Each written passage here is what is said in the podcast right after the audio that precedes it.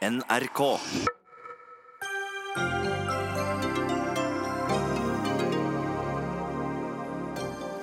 Hva gjør norske politikere nå med Nav-klienter etter at EØS-avtalen overstyrer norsk lov? For flertallet på Stortinget ønsker jo fortsatt begrensninger og plikter for de som mottar ytelser fra fellesskapet. Islamsk råd Norge ønsker seg egne muslimske barnevernsinstitusjoner for å ivareta barnas bakgrunn, som de sier. Men er ikke barn bare barn, da? Helsemyndighetene i USA besluttet at eh, snus kan markedsføres som et mindre skadelig alternativ til sigaretter. Det burde også Norge gjøre, sier Fremskrittspartiet. Og bare to av tre studenter som får tilbudt studieplass, møter til studiestart. Vi får besøk av en Høyre-politiker som foreslår at det burde koste å takke ja, og så ikke møte opp.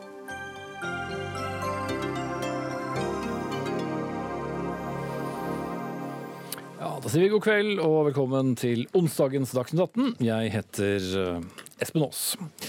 I den pågående Nav-skandalen er eh, norsk lov, og for så vidt også ønsket norsk politikk, eh, om å legge restriksjoner på de som går på ytelser, satt til side til fordel for EUs lovverk gjennom vår EØS-avtale.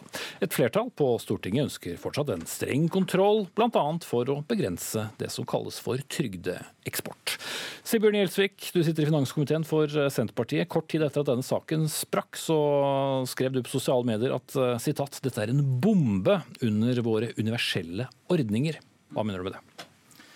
Ja, Det mener er jo at vi i Norge har jo hatt tradisjon for å ha gode universelle velferdsordninger. og Det er viktig at vi har i fremtiden òg. Dessverre så har jo den regjeringa som sitter nå, bidratt med usosiale kutt i, i ordninga, senest med kutt i arbeidsavklaringspenger for unge i inneværende budsjett. Men skal vi klare å opprettholde oppslutningen om de ordningene over tid, ja, så er det både at du skal ha rettigheter, men det skal òg være plikter knytta til de ordningene. Og Det er viktig å ivareta for, for framtida. Ellers så er det veldig stor fare for at oppslutningene om ordningene går ned, og at ytelsene går ned. og for for folk som er syke i Norge, de aller fleste bor jo oppholdt seg i Norge og må leve med norske kostnadsnivåer. og Den avhenger av at vi styrker ordninga og ikke svekker dem. Mm.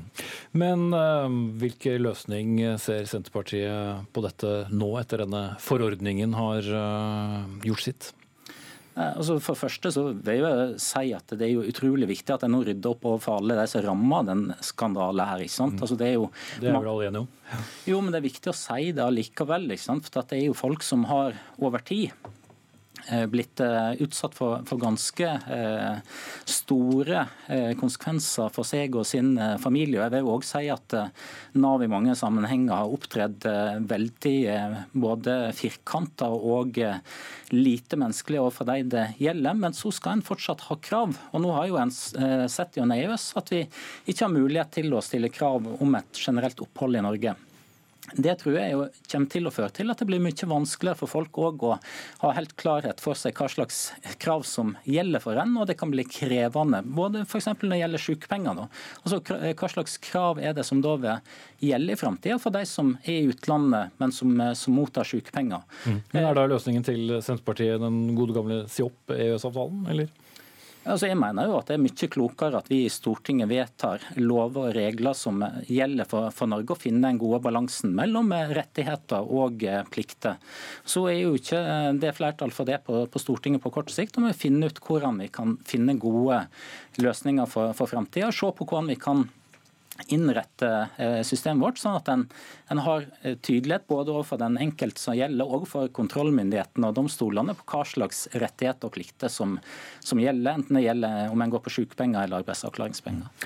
Heidi Nordby Lunde, du sitter i arbeids- og sosialkomiteen for Høyre, og som en solen tilhenger av EU, var dette tilfellet der du ble litt irritert over å bli overkjørt fra Brussel? Nei, det jeg er irritert over, er jo at da denne nye trygdeforordningen kom i 2012, så sa den rød-grønne regjeringen at dette ikke hadde noen konsekvenser for norsk rett.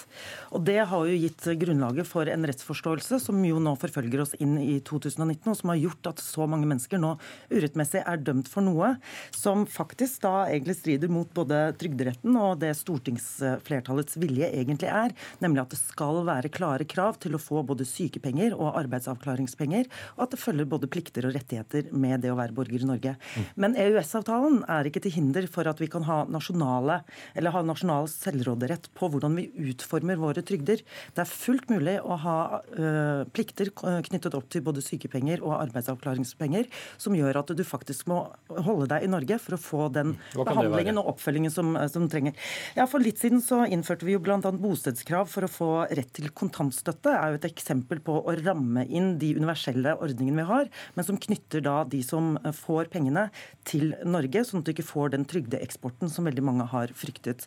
Det samme har skjedd med arbeidsavklaringspenger, som uten egentlig blikk til EØS-avtalen, eh, hvor man har innført da eh, raskere og tettere oppfølging, som gjør at du plikter å være i Norge for å motta den oppfølgingen, sånn at vi kan få deg raskere tilbake til arbeidslivet. Mm. Mens EØS-avtalen eh, krever at våre trygder og ordninger skal være slik at det legger til rette for fri bevegelse, og at det følger rettigheter med arbeidstakeren eh, når de eh, flytter over landegrensene. Det syns jeg er sosialt og en bra ting og en forutsetning for fri bevegelse. Mm.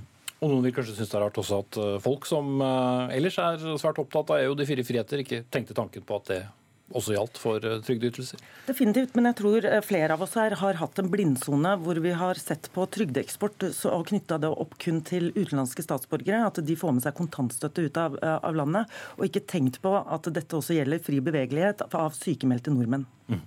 Sveinung Grotevatn, her som sentralstyremedlem i, i, Venstre. Du beskyldte jo Senterpartiet for å sette i gang en, en EØS-debatt her med det, det, utspillet, men er det så rart når mange føler at norsk lov settes så til side?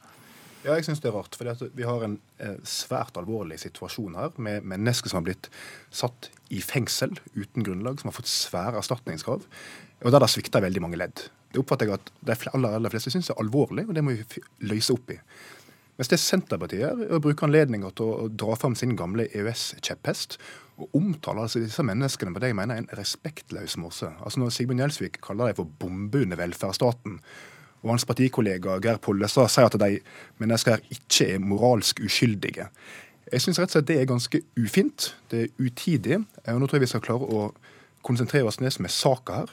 Det som handler om å rette opp i regelverk, gi folk den rettferdigheten de har krav på. Så blir det alltids tid til en EØS-debatt, og Senterpartiet kommer til å mene det samme i dag som de mente for ti år siden, og sikkert om 50 år også om den saken, helt uavhengig av trygdepolitikk. Men da tenker jeg at da kan jeg i hvert fall vente litt før de begynner å dra opp den gamle kjepphesten. Mm. For uh, du er i likhet med de to andre i studio også enig at noe nå må gjøres uh, for å se om det bør endres på de uh, lovene og reglene, eller i hvert fall reglene og tiltakene som, som, kan settes i gang overfor de som får kontantytelser.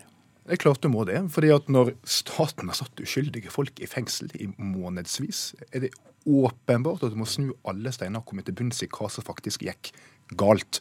Da tror vi bør konsentrere oss om det, og ikke komme med sånn generelt eh, vås om at det bare er å melde seg ut av EØS-avtalen som skal alt løse seg. Det vil få enorme konsekvenser for norsk industri, for norske distrikt, for norske arbeidsplasser. Den debatten kan vi gjerne ta, men jeg syns ikke det her er tid og sted. Mm. Ja, uh, Din partikollega Polstad er jo ikke her i studio, uh, Gjelsvik, men bare for å ta den ballen. Er du, er du enig i hans uttalelser? Er, er, det Senterpartiets mening? Altså, de eh, uttalelsene ble jo fullstendig feil i den situasjonen som var. og Det er jo eh, Pollestad enig i sjøl òg. Sånn altså, la det ligge. Men altså, poenget er jo her at her sitter representanter fra en regjering som har jo bidratt til å kutte ytelsene for folk i Norge. Men Senterpartiet har bidratt til å styrke det. Konkret i årets budsjett så vil vi foreslå å, å fjerne de kuttene som våre for unge uføre. Vi vil sørge for å prisregulere ytelser i folketrygda. Men regjeringen har jo flertall? Ja, dessverre har det det. Men, men vi har jo et ønske om å styrke de gode universelle velferdsordningene som vi har i Norge. Og så eh, handler det her om EØS-avtalen, hva slags handlingsrom vi har framover. For at, jeg hører jo Heidi Nordbø Lunde nå si at det er fritt frem for Norge å stille de eh, kravene som vi vil til, til mottakerne av de ytelsene. Men altså, det som er blitt sagt veldig tydelig, er jo at EØS-avtalen slår inn. Det er EU-lov som overstyrer norsk lov. Vi kan ikke stille et generelt krav om opphold i Norge. Det betyr òg at andre ordninger som har som sitt formål å sørge for at eh, folk oppholder seg i Norge, kan vi heller ikke generelt sett stille. Og Så må vi gå inn på og se på hva slags krav en kan stille knytta til de som, som er på sykepenger og arbeidsavklaringspenger. og Det må vi gå gå ordentlig igjennom. Men, men altså det, det, er ikke slik at det, eh, vi som sitter i Stortinget nå fritt kan avgjøre det innenfor EØS-avtalen hva slags krav en skal stille. Det må hele tida avveies mot det som er EU-loven. Ellers risikerer vi å komme med en ny skandale om noen år igjen. Rotevatn, og så Lunde. Norge kan fint stille saklige krav til folk som mottar arbeidsavklaringspenger, sykepenger osv. hva gjelder oppfølging, oppmøte, jobbsøking. Alt det er greit. Men det du normalt ikke kan gjøre etter EØS-retten, er å stille usaklige krav. Og Det er det jeg oppfordrer at Senterpartiet etterlyser, nemlig at de vil forskjellsbehandle folk. Ikke med noe saklig grunnlag, men ut fra hva pass de har, hva land de kommer fra. Og Der setter typisk EØS-retten en grense, og det er jo helt fornuftig at den gjør det. fordi at om du har vært i Norge og jobba på en gard, f.eks. Gardsbruk i Norge er helt avhengig av arbeidskraft fra EØS. Og Betalt trygdeavgift, betalt skatt, og så blir du sjuk. Selvfølgelig skal du da ha krav på sykepenger, selv om du er dansk statsborger. Det Senterpartiet etterlyser muligheten for at Norge skal si at nei, nordmenn skal få, dansker skal ikke få, selv om de betaler samme skatt og gjør samme jobb. Det bør en ikke kunne gjøre. Hvis det er det mange andre ordninger, da, som barnetrygd til barn som aldri har bodd i Norge osv., som også stadig dukker opp i debatten? Ja, men Det er ikke slik at du har rett på alle mulige ting i den norske velferdsstaten bare fordi du eh, tilfeldigvis kommer til Norge. Det tar gjerne tid å opparbeide seg slike rettigheter. og Da stiller en de samme kravene til ulike folk, um, uansett om de er danske, svenske eller norske. Men poenget er at du forskjellsbehandler deg ikke pga. det. Det er den forskjellsbehandlinga Senterpartiet ønsker å gjennomføre. Det er usosialt. Ja, men Det er det eneste logiske følgene av det du ber om. For det er det eneste du ikke kan gjøre etter EØS. Mm. Du er litt tom mot den her nå, men det er ofte Lunde ordet for deg, Gjesvik. Men det er jo helt riktig det at EØS og EU sikrer arbeidstakernes rettigheter når de har bodd i et annet land. Er du polsk arbeider i Norge og har skadet deg på jobb, så skal du selvsagt ha sykepenger og muligens også arbeidsavklaringspenger, fordi det er en rettighet du har, og du har betalt din skatt. Om ikke med glede, så har du vært Og det kan vi jo ikke gjøre noe med. Men på Nei, altså, men blir det tøffere og vanskeligere og mer byråkratisk nå å være bruker av Nav dersom det politiske flertallet på, på Stortinget ønsker da å f.eks. gjøre det vanskeligere å, Nei, det å, å reise ut? Nei, det trenger det ikke. Jeg tror, For det første så må vi bruke vårt nasjonale handlingsrom, og det gjør vi, til å sørge for at vi har de velferdsytelsene som eh, vi har. Det er jo ikke EU som tvinger oss til å ha kontantstøtte, f.eks. Den kunne vi ha fjernet uten at EU hadde blandet seg inn. Men det er vi som eh, bestemmer da, i vårt nasjonale handlingsrom, innretningene på disse ytelsene og hvilke krav du får på, seg, på deg. Så når du som arbeidsgiver plikter å legge til rette for at en sykemeldt skal komme tilbake til jobb, jobb, så forutsetter vi selvfølgelig at den sykemeldte er tilgjengelig for å samarbeide med arbeidsgiver om tilrettelegging, og ikke befinner seg i utlandet når dette skal, skal skje. Det er et klart krav. Hvis den sykemeldte bryter dette kravet om aktivitetsplikt, så bortfaller også retten til sykepenger. Dette, ikke, dette her er eh, det bred vilje om i Stortinget, og det er dette som Nav har fulgt opp. Så jeg har bare lyst til å si også at Nav årlig yter tjenester til 2,8 millioner mennesker. De gjør en fantastisk jobb. Dette her er en systemsvikt på uh, veldig mange områder. og Det er klart at det skjer feil i Nav også, men her er det både en politisk svikt, rettsstatssvikt og en svikt også i tolkningen av lovverk. Som unntak av den åpenbare konflikten rundt EØS, er Senterpartiet da enig i det som Høyre sier her, når det gjelder ytelsene? Selvsagt må vi stille eh, altså plikter knytta til eh, de rettigheter som, eh, som en har. Sånn at en sørger for at den, altså Det som er målet for når en mottar sykepenger, det er jo at en har inntektssikring mens en er syk, i påvente at en kan komme tilbake i arbeid. Og Da må en bidra både arbeidstaker, arbeidsgiver og Nav og fastlege for å bidra til det. Og Det norske fastlegesystemet har jo nettopp vært en del av det. En av de utfordringene som kan, bli i framtida, er jo nettopp det ja, Er det slik at eh, kravet skal bli at en skal ha kontakt med en fastlege i Norge? Altså, det er jo ikke et krav at du må bli sykmeldt av fastlege i Norge i dag. Du kan òg bli sykmeldt av andre leger. Ja, Kan du da like gjerne bli sykmeldt av en hvilken som helst lege hvor som helst i EU? Hvordan skal da oppfølginga bli opp mot arbeidsgiver, opp mot Nav? Altså, det er mange utfordringer som er knytta til det her, og hvordan eh, Nav skal både veilede og føre kontroll. Og det som, det som, er utfordringen, er nettopp noe av det som Heidi Nordbø Lunde nå eh, eh, sier, er at vi, ja, vi, kan legge om ytelsene. Vi kan ha andre typer ytelser. Vi kan kutte kontantstøtte, kutte kontantoverføringer. Jo, men En viktig del av det norske velferdssystemet er nettopp at du har hatt gode, universelle velferdsordninger, kontantytelser til, til folk. og Det er viktig å utvikle. Men det var et eksempel på hva du kunne gjøre enn at du skulle gjøre det. Ja, vi har et nasjonalt handlingsrom, og at vi selv bestemmer hvilke ytelser vi har, og innretningen på dette. Det er ingenting av det Senterpartiet her sier sier, som vi ikke kan gjøre. Men Senterpartiet leser jo også EØS-avtalen som fanden leser Bibelen. Rotaten. Ja, eh, Vi i Venstre er i hvert fall veldig for arbeidslinja. Vi er for at du kunne stille krav til folk slik at de kommer seg tilbake i jobb. Det kan du gjøre etter EØS-retten. Du kan egentlig gjøre det du vil etter EØS-retten. Det du ikke kan gjøre, det er den ene tingen Senterpartiet etterlyser, og det er å kunne forskjellsbehandle folk på usaklig grunnlag ut fra hva land de kommer fra eller oppholder seg i. Der går det en grense. Den grensa bør gå, fordi det er et viktig formål med EØS-samarbeidet, som vi heldigvis er en del av, og som regjeringa støtter, at du kan ha fri flyt av arbeidskraft på tvers av landegrensene. Men hvis den arbeidskrafta da, som betaler skatt, betaler avgifter, ikke får de samme velferdsrettighetene som andre, ja, da blir det veldig vanskelig å bevege seg, for du er få ta den risikoen. Det er bra at folk beveger seg. Det er bra for norske distrikt, det er bra for norsk landbruk, det er bra for norsk næringsliv. Og det at Senterpartiet skal bruke denne saken til nok en kamp om den viktige EØS-avtalen, det syns iallfall jeg er dårlig timing. Mm. Så i hvert fall dere to kan synge nei, nei, nei i kor om akkurat det. Vi må sette strek her. Takk til Sigbjørn Gjelsvik fra Senterpartiet, Heidi Nordby Lunde fra Høyre og Svein Rotevatn fra Venstre. Dagsnytt 18 alle hverdager klokka 18.00 på NRK P2 og NRK2.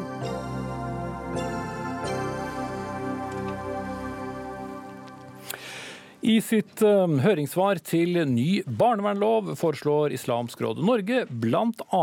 egne barnevernsinstitusjoner for muslimske barn. Organisasjonen er bekymret over at norsk barnevern ikke har kompetansen som trengs for å sikre at barna får ivaretatt sin kultur og religion. Yasir Ahmed, du er informasjonsansvarlig i Islamsk Råd Norge. Dere ønsker jo først og fremst bedre rekruttering av mennesker med muslimsk bakgrunn til barnevern, hvis jeg leser forslaget riktig, men også i det ytterste egne institusjoner. Hvorfor det? La oss håpe at vi ikke havner i den uh, situasjonen at vi må ha egne institusjoner. Uh, det som er veldig viktig å stadfeste her, vi har stor tillit og tro på at dagens institusjon kan bli bedre. Uh, ved at man også da ser på de forslagene vi har også fremmet. Det med at man øker mangfoldet i fylkesnemnda, man må øke fosterfamiliene, man må også øke kompetanse og stige kompetanse både hos barnevernstjenesten også hos muslimske foreldre. Men det er ikke godt nok i dag, dagens system, hvis jeg da forstår det riktig? Ja, Det er rom for forbedring. Det er absolutt det. Og det henter vi fra de eh, bekymringstelefonene vi får ofte fra foreldrene, som forteller om deres opplevelse med eh, sammenheng med barnevernet.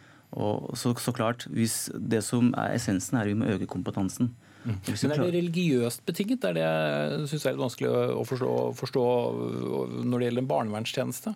Altså, barn er vel først og fremst barn? Ja, ja. Men hvis, hvis jeg, jeg, kan dele et eksempel med deg. Uh, en 13-åring muslimsk gutt som ble plassert hos en uh, norsk uh, familie, ble nektet å få kjøpt halalmat. Eh, og nå ender opp med at gutten da spiser ikke halal-mat. Så når foreldre får høre sånne historier, så klart så blir de bekymret.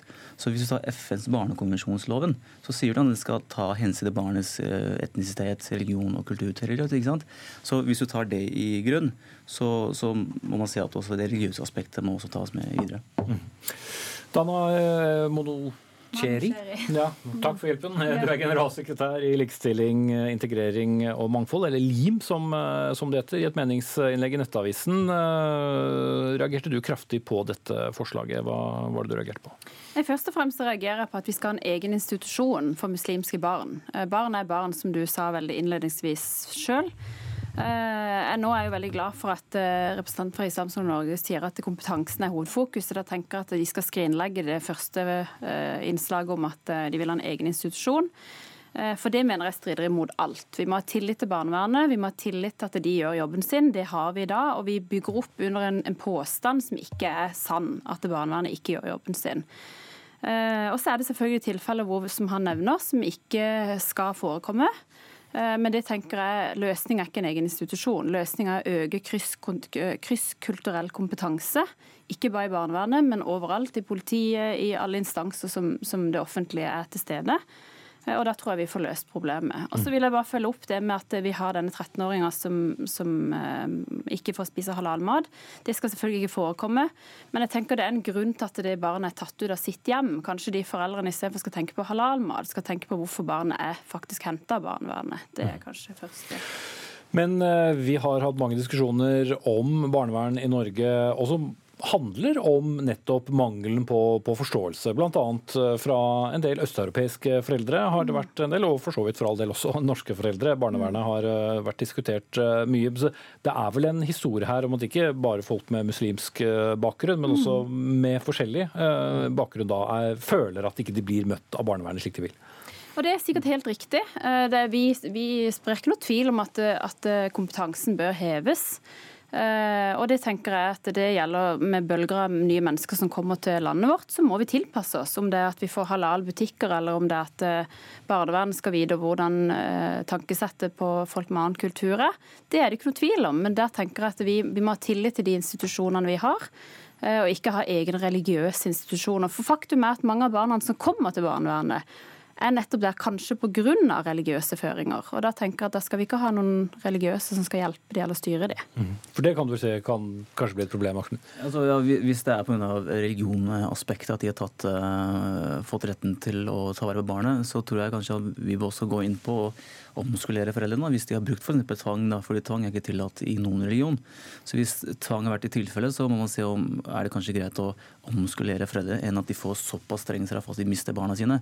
For det er både følsom situasjon for barnet ikke minst, og for foreldrene. At de mister av hverandre. Så heller se på mm. løsningen. Hva er årsaken? Og heller komme på banen og få en kanskje mildere straff da, enn såpass streng straff. Mm. For bare forstå deg helt, helt riktig, da, for det er ikke det religiøse aspektet som nødvendigvis trenger å være en del av noe barnevern, men det dere etterlyser, er en mer forståelse av noe som har med eh, religiøs å gjøre, som f.eks. Eh, da uh, mat, men ikke troen som sådan. Altså, det kommer innenfor det barnets beste. ikke sant? Og Hvis du bruker også FNs barnekonvensjon, så er jo det barnets som beste. Ja. Så det, det, er det som ligger i aspektet her. Mm -hmm. Kjetil Osling, du er divisjonsdirektør i Barne-, ungdoms- og familiedirektoratet, eller Bufdir om dere vil. Hvor mye tas hensyn til det kulturelle og de språklige særegenhetene ved, ved barna som, som dere tar hånd om?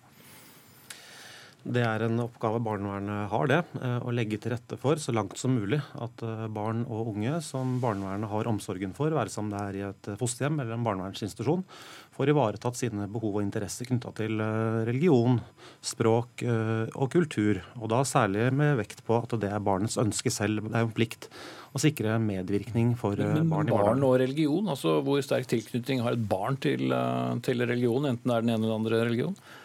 Det er jo mest foreldrene. Det er absolutt det. sånn at Vi er veldig på linje med Lim her. Men jeg vil jo også si innledningsvis her at uh, jeg syns Islamsk råd har et viktig budskap her, nettopp i forhold til det ansvaret barnevernet har her. Og jeg tenker at uh, vi hele tiden skal strekke oss, uh, prøve å få til mer.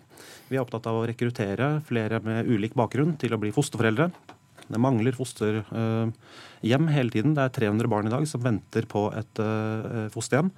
Eh, og vi trenger også ulik kompetanse inn i institusjonene. Eh, og ønsker veldig velkommen ulike søkere til å ta de utdanningene som retter seg mot arbeid i barnevernet. -hmm. Det nikkes fra Lim her. Ja, jeg tenker det er absolutt veien å gå. Det, vi, vi, ser ikke noen annen løsning enn å øke kompetansen og forståelsen. Eh, men, men innledningsvis er det også litt av temaet for hvorfor en ønsker en egen institusjon, er jo også det, det aspektet med tillit. At det ikke er tillit til barnevernet fra minoritetsfamilien. Og Det er noe vi må ta på alvor, og det må vi jobbe med. Men tillit alene altså Det er mange institusjoner vi ikke har tillit til, eh, som minoriteter, bl.a. politiet. Men vi kan ikke ha eget muslimsk politi. Det er liksom ikke sånn verden fungerer. Mm. Vi er jo veldig opptatt av at eh, det skal være god og trygg tillit til eh, mm. barnevernet. Vi ser at det er eh, for mange som ikke har det. Og så ser vi at det er åtte av ti av de som ikke har den tilliten, som henter kunnskapen sin om hva barnevernet gjør og ikke gjør, nettopp fra media og fra sosiale medier. Men jeg bare får meg et viktig poeng at en barnevernsinstitusjon, eller grunnlaget for at barn får et tilbud i en barnevernsinstitusjon, det handler jo om veldig eh, sammensatte behov. Ofte så er det barn som har rusproblemer. Det kan være barn som har begått kriminelle handlinger.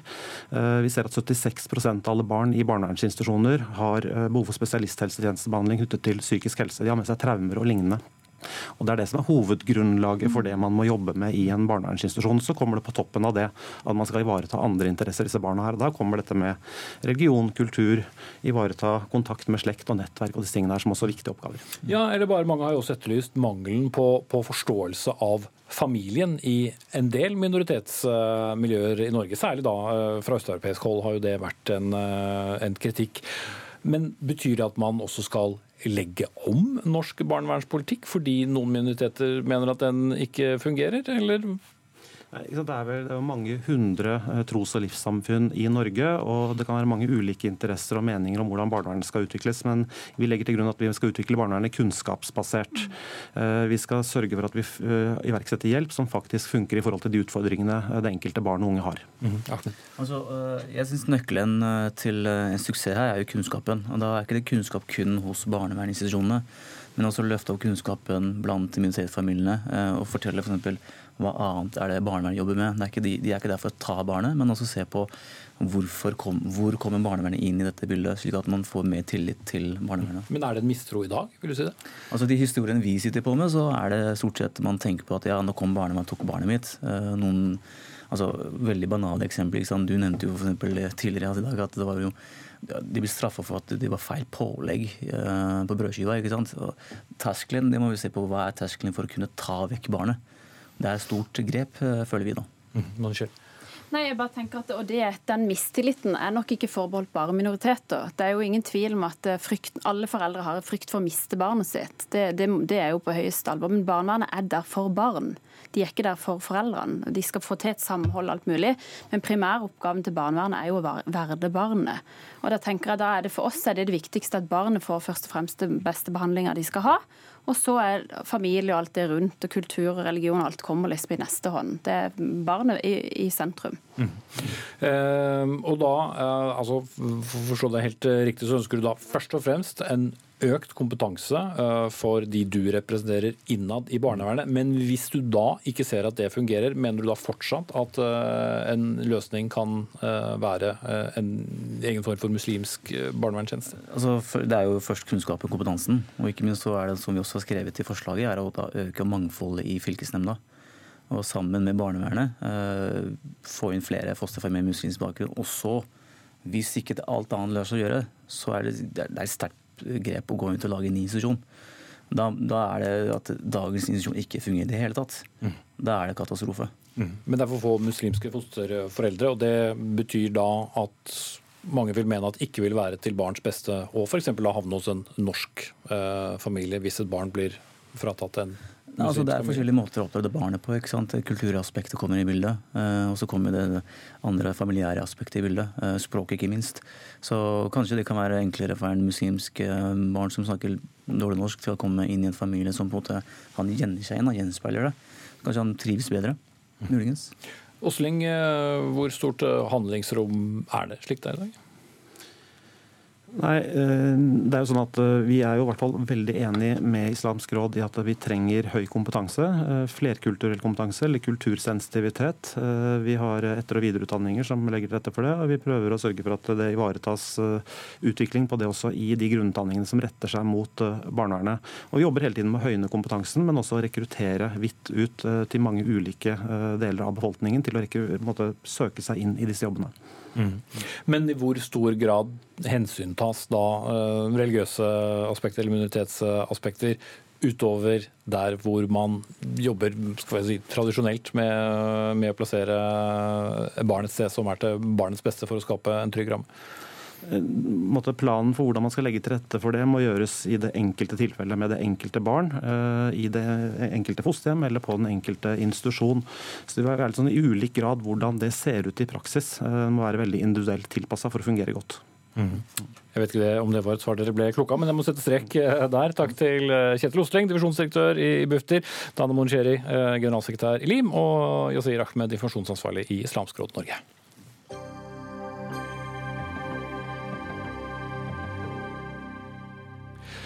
Denne uken gikk eh, omsider det omstridte folkeopplysningsprogrammet på NRK, der det mye omtalte valgstuntet på en videregående skole på Lillestrøm var med. NRK ba kritikerne roe seg ned til de fikk se programmet. Nå har de sett. Hva sier de da? Mer om det senere i sendingen. Men nå skal vi eh, snakke om snus. For det er ikke bare her i Skandinavia at folk går rundt med bulende lepper med tobakk under. I USA har også denne skandinaviske trenden slått an, og der har myndighetene nå besluttet at svensk snus skal kunne markedsføres som et mindre skadelig alternativ til sigaretter, kunne vi bl.a. lese i Nettavisen i dag. Åshild Brun Gundersen, du sitter i helse- og omsorgskomiteen for Fremskrittspartiet, og du uh, syns vi bør la oss inspirere av dette. På hvilken måte? Ja, absolutt. Snus er jo beviselig mindre helseskadelig enn sigaretter. Og vi har jo nesten ikke folk som røyker i Norge lenger i dag. Det vi står igjen med som stor utfordring, er å få de veldig få som røyker i dag, eh, som verken klarer eller vil slutte med det, over på mindre helseskadelige produkter. Og da syns jeg det er en god måte å finne insentiver for å markedsføre mindre helseskadelige nikotinprodukter. Mm. Men hvorfor skal norske myndigheter differensiere mellom produkter som alle jo er skadelige? Ja, men det, det, er veldig viktig å få storrøykerne over på mindre helseskadelige produkter hvis man skal redusere tobakksskadene i Norge. og Det har vi som felles mål på Stortinget og i regjering. Eh, men det man ser i dag er at avgiftsnivået er jo ikke differensiert, og markedsføring av snus er jo ikke tillatt.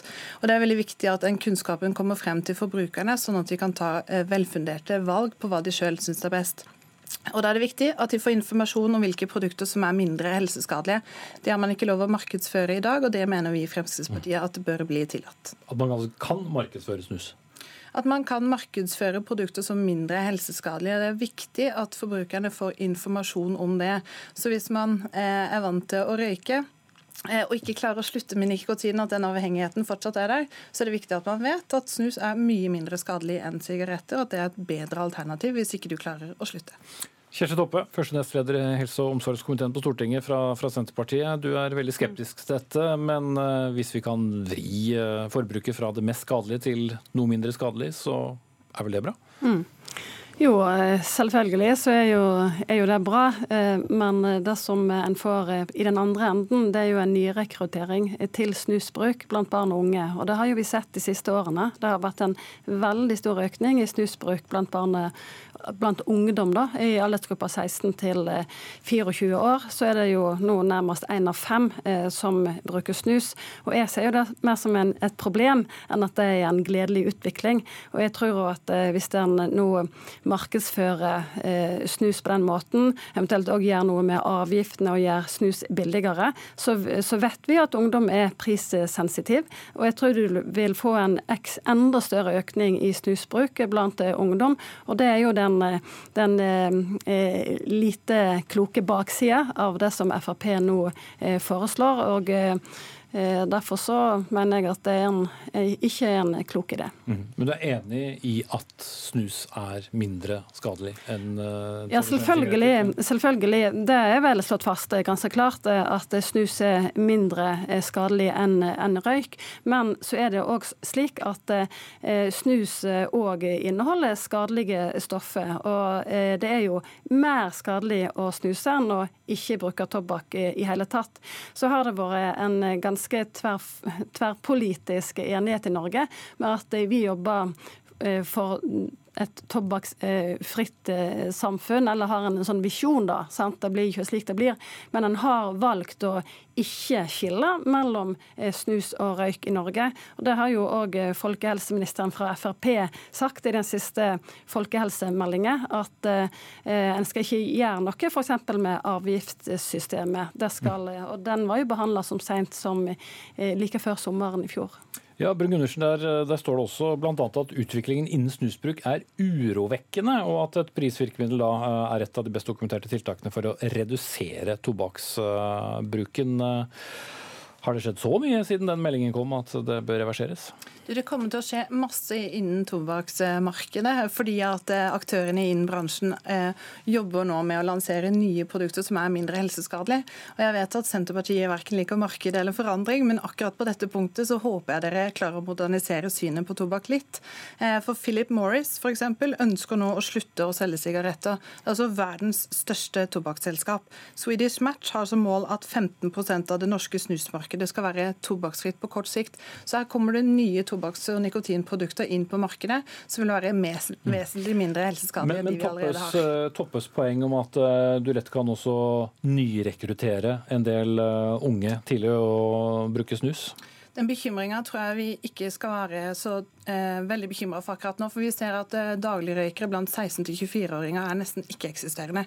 Nå er det bare rundt 4% altså Vi skal ikke lenger tilbake enn 10-20 år hvor det var et eh, stort problem. Det er det ikke i dag. Men er du komfortabel med at uh, flere og flere unge også putter uh, snus under leppen?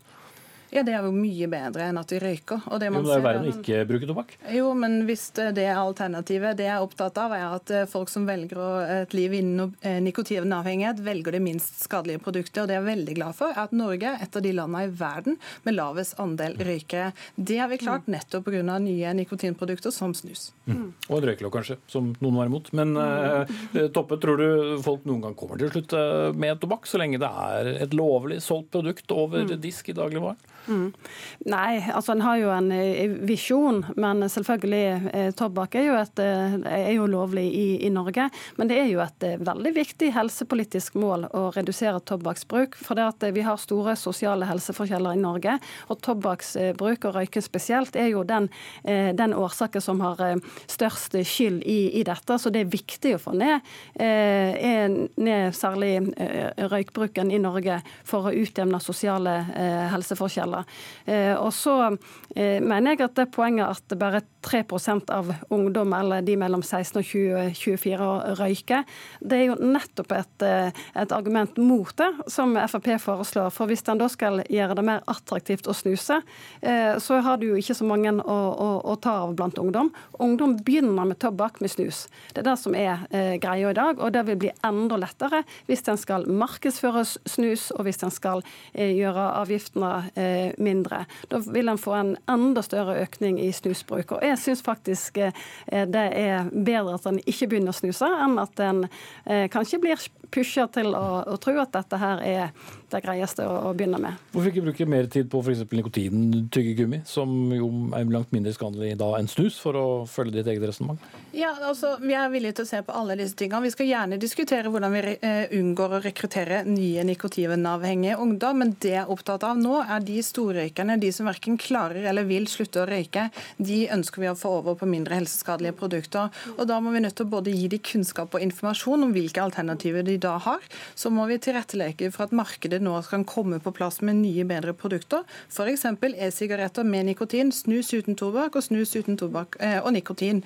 Og så lenge lenge markedet eh, ønsker dette her selv, så mener jeg at vi bør tilrettelegge for at nettopp det skjer, for å redusere tobakksskadene blant befolkninga vår. Og Er det logisk at et produkt som inneholder mindre skadelige stoffer, likevel skal ha de samme avgiftene som sterkere stoffer? Mm. Jeg mener at den politikken eh, har fungert i, i, i, Norge, og at det er farlig å gå inn og, og, og splitte det. Eh, jeg tenker at eh, storrøykerne de kan du nå på andre måter. Regjeringen kan f.eks. gå inn for å gi røykesluttmedisiner på blå resept, som bl.a. Kreftforeningen har ønska mange år, men som ikke regjeringen vil, vil gå inn for. En kan nå storrøykeren på andre måter enn å gjøre snus billigere. Mm. Hva skjer nå på alkoholfronten? Vil dere f.eks. anbefale vin fremfor brennevin? Eh, alkohol er selvfølgelig en debatt vi skal se nærmere på, men akkurat nå er jeg opptatt av at røyke, altså skadene av tobakksbruk i Norge skal gå ned. og Da er det viktig å få folk over på mindre helseskadelige produkter. Det kommer masse nye spennende produkter på markedet om kort tid. Vi er nødt til å diskutere hvilken avgiftsregime vi skal ha på det. og Fremskrittspartiet mener definitivt at det skal lønne seg å velge mindre helseskadelige produkter. Ta litt statistikk til slutt. Fra SSB, eh, prosentandelen som røyker hver dag, av og til er gått kraftig ned de siste årene. Fra 25% i 2005 5 til 12% i 2018, og andelen som snuser hver dag har gått fra 5 til 12% i samme periode. Takk til Åshild Brun Gundersen fra Fremskrittspartiet og Kjersti Toppe fra Senterpartiet.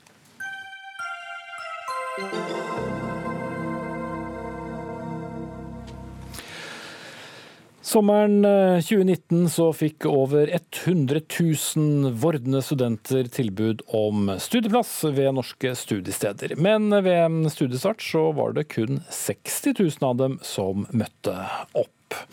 Forsknings- og høyere utdanningsminister Iselin Nybø har sagt at hun vil se nærmere på tallene, som hun mener skaper usikkerhet for både universiteter og høyskoler. Men noe av problemet ligger kanskje hos universitetene i utgangspunktet. For Gro Bjørndrud Moe, du er prorektor ved Universitetet i Oslo. I 2019 så sendte dere ut 4000 flere tilbud om studieplasser enn dere hadde planlagte plasser. Hvorfor gjorde dere det? Altså, vi må være helt enige om at frafallet er altfor stort, og at det er et problem både for samfunnet og for institusjonene og for studentene selv. Når det er sagt, så har vi lang erfaring med å håndtere den situasjonen vi er i, med mange studenter som ikke dukker opp ved studiestart. Eh, og jevnt over så treffer vi ganske godt på det antallet plasser som vi får fra Kunnskapsdepartementet. Mm. Så dere vet at uh, dere kan tilby flere plasser enn dere har, for det blir ikke fylt opp likevel? Vi har veldig gode erfaringstall og veldig gode folk som sitter og følger med tall for tall. Mm. Uh, og for alle som nå lurer, hvorfor møter ikke studenter opp? Det er det. At det er rett og slett veldig mange grunner til det. Så alt som har med frafall å gjøre, det er vår erfaring. Og jeg har jobbet med det de siste tolv årene ganske mye. Jeg er mer og mer overveldet over kompleksiteten i det. Så det er mange forskjellige grunner til at de ikke kommer. Mm. Marianne S. Embresvåg, du er stortingsrepresentant for Høyre og medlem av Stortingets forsknings- og utdanningskomité. Hva tenker du om at én av tre ikke møter opp? Nei, jeg tenker jo at eh, Når vi har én av tre som, av dem som får tilbud, ikke møter opp, eh, så har vi en utfordring som vi er nødt til å gjøre noe med. Eh, hvis, som du sa innledningsvis, så er det 100 000 som får tilbud ca. Så kan du tenke deg Hvis én av tre ikke møter opp, så er jo det tilsvarende et helt universitet i Oslo i omfang. Og Det er for mye. Og Jeg har full forståelse for at studenter kan ombestemme seg på førstevalg fra de søker tidlig på våren og, og til de får tilbudet. Men det vi ser er at mange takker ja, og heller ikke møter opp eh, til studiestart. Mm. Og du mener det, det bør få noen konsekvenser? Ja, jeg tenker vi må prøve å få bukt med det problemet. Og jeg gjorde litt eh, enkel research, hvis jeg skal kalle det det. Jeg gikk inn på en del av disse utdanningsforumene og, og ser liksom hva er det studenter lurer på.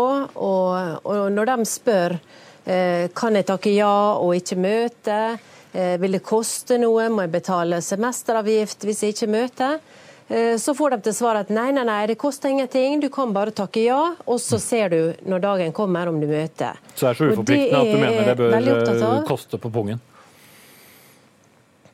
Ja, fordi at eh, det vi vet er at bak enhver student som har takka ja og ikke møter, så står det en annen som svært gjerne skulle hatt den plassen. Men når de ikke får beskjed før eh, skolestart, så er det kanskje for seint. Kanskje man har takka ja til et tilbud man egentlig ikke har så veldig lyst til å gå på, men har ikke mulighet til å flytte eh, til et studiested i en annen by, i en annen landsdel, mm. og gå den utdanninga som man aller helst har lyst til å gå. Hvor stort er det problemet, Mo? Det er jo, jeg tror at jeg må undersøke litt kompleksiteten i det her. Fordi, fordi altså studentene, Først så er det sånn at i juli måned så er det ganske mange som, eh, som da har sagt at de vil studere hos oss, som sier nei takk til plassen. Så der er det en stor uh, gruppe studenter som jeg veldig gjerne ville hatt skulle oppført seg annerledes. Så kommer det et problem til uh, som, uh, som, vi allerede har berørt, nemlig det som jeg syns er det virkelig store problemet. Det er at vi har også studenter som sier ja, jeg skal studere hos dere, jeg kommer, jeg har møtt. Og Der har vi også en stor gruppe som rett og slett ikke tar noen eh, studiepoeng overhodet. Vi kaller dem for nullprodusenter. Den gruppa er på vei nedover. Det er kanskje en av de tingene som gjør at jeg har lyst til å se om de tiltakene vi gjør, er i ferd med å bøte på det problemet, for det er det store. Fremfor at det skal koste penger. Marte Øyen, du er leder for Norsk studentorganisasjon. Eh, ville det vært lurt å, å piske studentene litt mer til å gjøre livet litt mer forutsigbart for høyskoler og universiteter? Nei, på, på ingen som helst måte. Um, når det gjelder altså, det er en sammensatt problemstilling. Eh, fordi det ene aspektet ved det, så syns jeg at for det første så er det helt feil å skulle innføre grunn, altså, omfattende endringer i opptakssystemet til høyere utdanning utelukkende basert på hva som foregår i sosiale medier. Da må man jo heller først og fremst starte med å gjøre en Jeg skjønner ikke, hvorfor, Hva, hva er det som foregår i sosiale medier? Nei, nå, Marianne sier jo at hun har lest ulike nettforum. Ja, ja. Eh, og Da må man jo heller gjøre en, en tilstrekkelig kartlegging for å se hva, hva, er faktisk årsaken til at studenter takker ja, eh, og ikke basere altså Det er dårlig forskning å basere det på ting som, eh, som Men det som er helt klar, er jo disse tallene. Du blir ikke overveldet av at så mange ikke møter opp selv? da? Det, at det er et problem, det anerkjenner vi selvfølgelig, som vi må gjøre noe med. Jeg bare er ikke enig i at dette er den beste løsningen å gå for. Nei, Hva vil du gjøre? Først og fremst så vet vi jo at selv om det er over 100 000 som fikk en studieplass, så er det per i dag fortsatt 1700 studenter cirka, eh, for mange studenter enn det det egentlig er plass til på norske universiteter og høyskoler. Og Det skaper jo et, et problem både for læringsmiljøet og på den generelle frafallet. Og Vi vet fra før av at frafallet, spesielt det første semesteret studentene går, er det også det høyeste. Så Da må man heller se på andre konkrete tiltak for å få ned frafallet. Og ved å få ned frafallet, så vil det også være mye enklere for institusjonene og, og treffsikkert å komme med antall eh, studieplasser. Men det er jo fortsatt de som har kommet i gang. Da. Dette her snakker vi jo om før noen har uh, møtt opp uh, en eneste gang på universitetet. Ja, men hvis enda flere av disse faktisk hadde møtt opp, så hadde man bare hatt en enda større utfordring med at det hadde vært enda flere som hadde møtt opp til skoleplasser det egentlig ikke er. Så det er en sammensatt problemstilling. Først og fremst så må man se på hva som er årsaken til at studenter takker ja til studieplasser de ikke møter opp på. Der mener vi det er helt andre ulike årsaker som må løses med helt andre løsninger enn å innføre og flytte en semesteravgift. Mm. Emil Jeg er jo overraska over at uh, Marte Øyen ser det her som uh, en problemstilling for universitet og høyskoler. For det er jo ikke det jeg er opptatt av. Jeg er jo opptatt av alle dem som står på venteliste, og som ikke får svar på om de kan begynne på det studiet eller ikke. Når de i teorien kunne ha gjort det, fordi at de, de, som står foran vil takke nei til plassen eller ikke møte opp da. Eh, og så vet jo Martin veldig godt eh, at eh, jeg har jo opplevd det her sjøl som både underviser og som rektor. Så å si at jeg baserer meg på sosiale medier er jo en litt enkel tilnærming. Men så kan vi jo lure på ja, hva er det som er så spesielt med Norge, da? Når det er en tredjedel av alle, altså det er over 30 000 som ikke takker ja eller møter opp. Mens hvis vi sammenligner oss med, med Sverige eller Finland, så er det 6% i Sverige og 2% i Finland. Så da er det jo noe spesielt som, som, skjer i Norge, og jeg tenker at vi godt kan, kan stille krav til, til, dem som får tilbud om plass, om at man må takke nei til plassen hvis man ikke har tenkt å ta den. Hvis man vet at man ikke kommer til å ta den, for det finnes dem også. Og, og så må vi, fordi at vi må tenke på de studentene som står og venter på å få en studieplass. Mm. Og Du representerer jo de og Øyen? Um, nå er det jo sånn at uh, den, altså Flytte den avgiften. Da får du den avgiften før du har fått støtte fra Lånekassen. Uh, og den avgiften, selv om den ikke er veldig høy, så er det for enkelte om lag en tusenlapp det er snakk om. Uh, og vi vet allerede at rekrutteringen til høyere utdanning, der sliter vi litt med mangfoldet. Så det vil kunne treffe dårlig ut der. Det må man klare å kartlegge før man eventuelt skulle ha innført noe sånt. Og så mener jeg at dersom man ser på karriereveiledning på videregående eh, og andre aktører som gir veiledning til mennesker som skal søke seg til høyere utdanning som ikke kommer fra en studiesituasjon fra før av, så vil jo det også medføre at studentene søker seg mer riktig i første omgang, eh, og derav også møter opp til de studieplassene de faktisk har takka ja til. Så vi mener jo fortsatt at her er det helt andre ting man må se på. Mm. Ja, Som du har vært inne på mange årsaker, eh, Mo, men du skulle jo gjerne ha løst det? Jeg ville veldig gjerne ha løst det. Og, eh, men gitt kompleksiteten og vi vet at Voksne studenter oppfører seg helt annerledes enn de unge. Vi vet at studenter til profesjonsfag oppfører seg helt annerledes enn studenter som går til allmennfagene. Så er det ganske vanskelig. Og jeg tror rett og slett at, eh, at, det forslaget som er på bordet nå, om at de skal betale semesteravgift tidlig, er et for enkelt forslag på et komplisert problem. Og så er det sånn at Semesteravgiften i Norge den går jo til studentvelferd, den går til samskipnadene, går ikke til universitetene. Sånn at du sender da penger i retning av samskipnadene og velferdstilbudet for noe som er et problem som rammer studentene og eh, utdanningsinstitusjonene i mye større grad.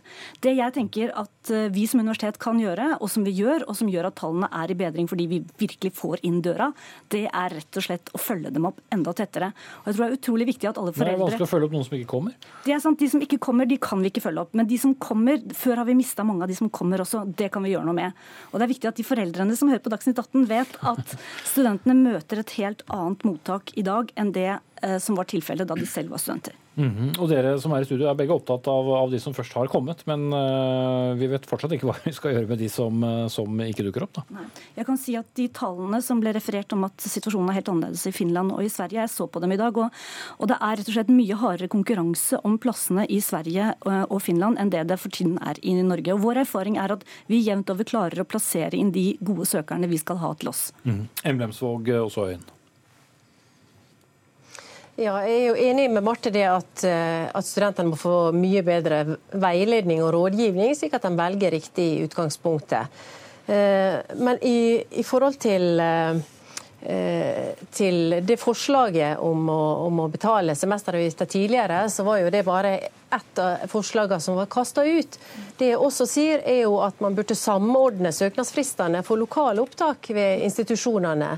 For I dag er det opp til enhver institusjon å bestemme når det er søknadsfrist og svarfrist, slik at studentene kan sitte Eh, og vente på svar fra en institusjon, mens de har takka ja til en annen, i håp om å komme inn på det andre.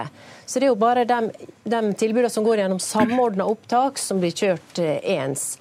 Og Det tenker jeg er en utfordring som universitet og høyskoler burde gjøre noe med. Å samkjøre eh, tilbuds- og svarfrister. Marte Øyen, du får siste ord. Ja, eh, vi er helt enig i det, det siste Mariann nevner nå, om å samordne eh, søknadsfristene. For det gir en forutsigbarhet og en trygghet for studentene også, så det må man gjerne se på. Eh, men når det gjelder sammenligningen med andre nordiske land, så er det jo sånn at støtteordningene og opptakssystemet i de tre ulike landene, altså Danmark, Finland og Sverige og Norge, da, fire, det de er ulike. slik at Man kan ikke uh, trekke sammenligningen på tvers av landegrenser her. for det er klart at Når opptakssystemet er annerledes, så vil det også medføre en okay, ja, annen type atferd fra studentene. Dere møter i hvert fall opp her, alle tre. Takk skal dere ha. Marianne S. Emlesvåg, stortingsrepresentant fra Høyre, med oss på linje fra Ålesund. Gro Bjørnrud prorektor ved Universitetet i Oslo. Og Marte Øyen, leder i Norsk studentorganisasjon. Hør Dagsnytt 18 når du vil. Radio NRK Radio.nrk.no.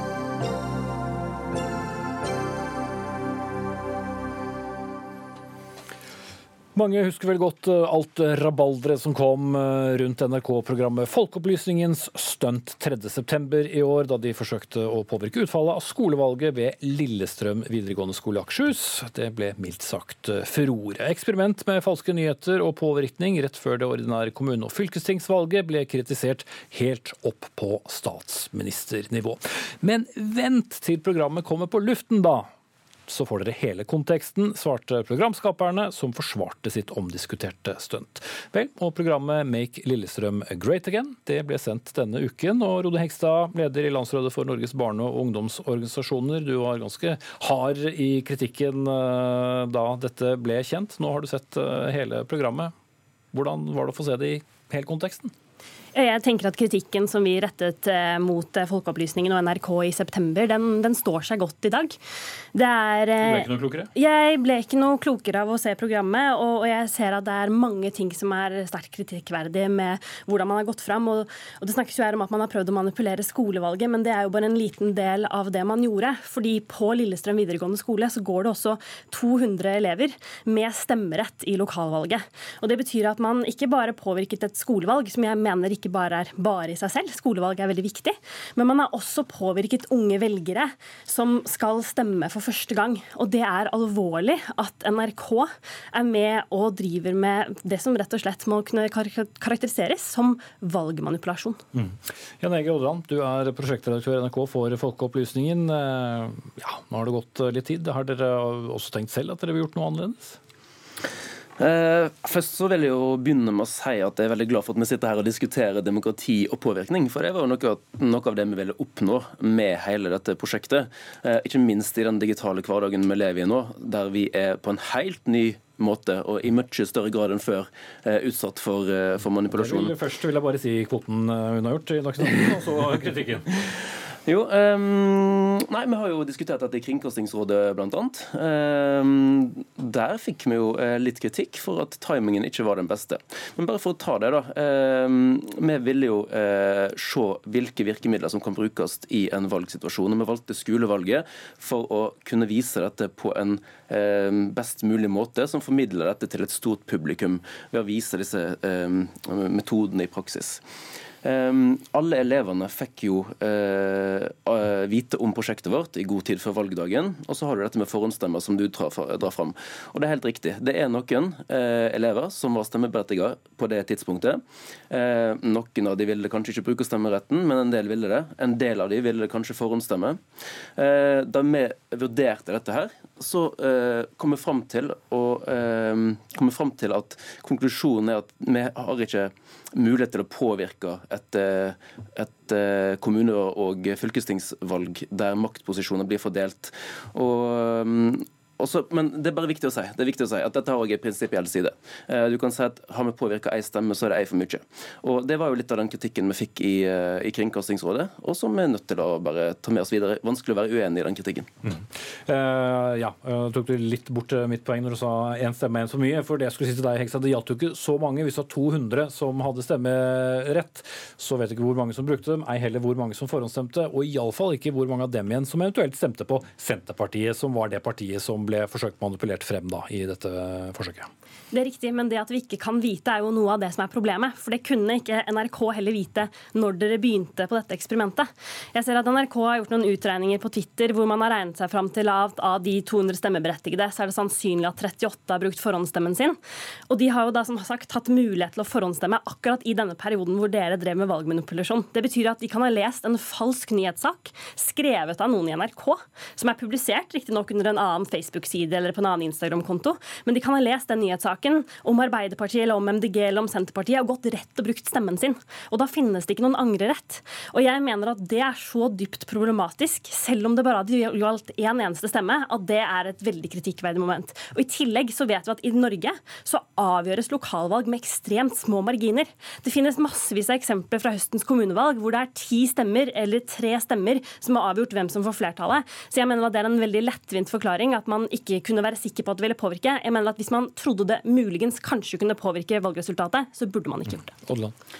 Ja, og det er en kritikk som eh, jeg rett og slett må høre på. Eh, det er jo ikke noe, eh, det er ikke noe tvil om at vi kunne i teorien ha påvirka noen.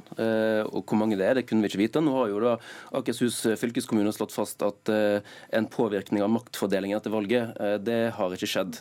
Og så stort var ikke dimensjonen på vårt prosjekt heller.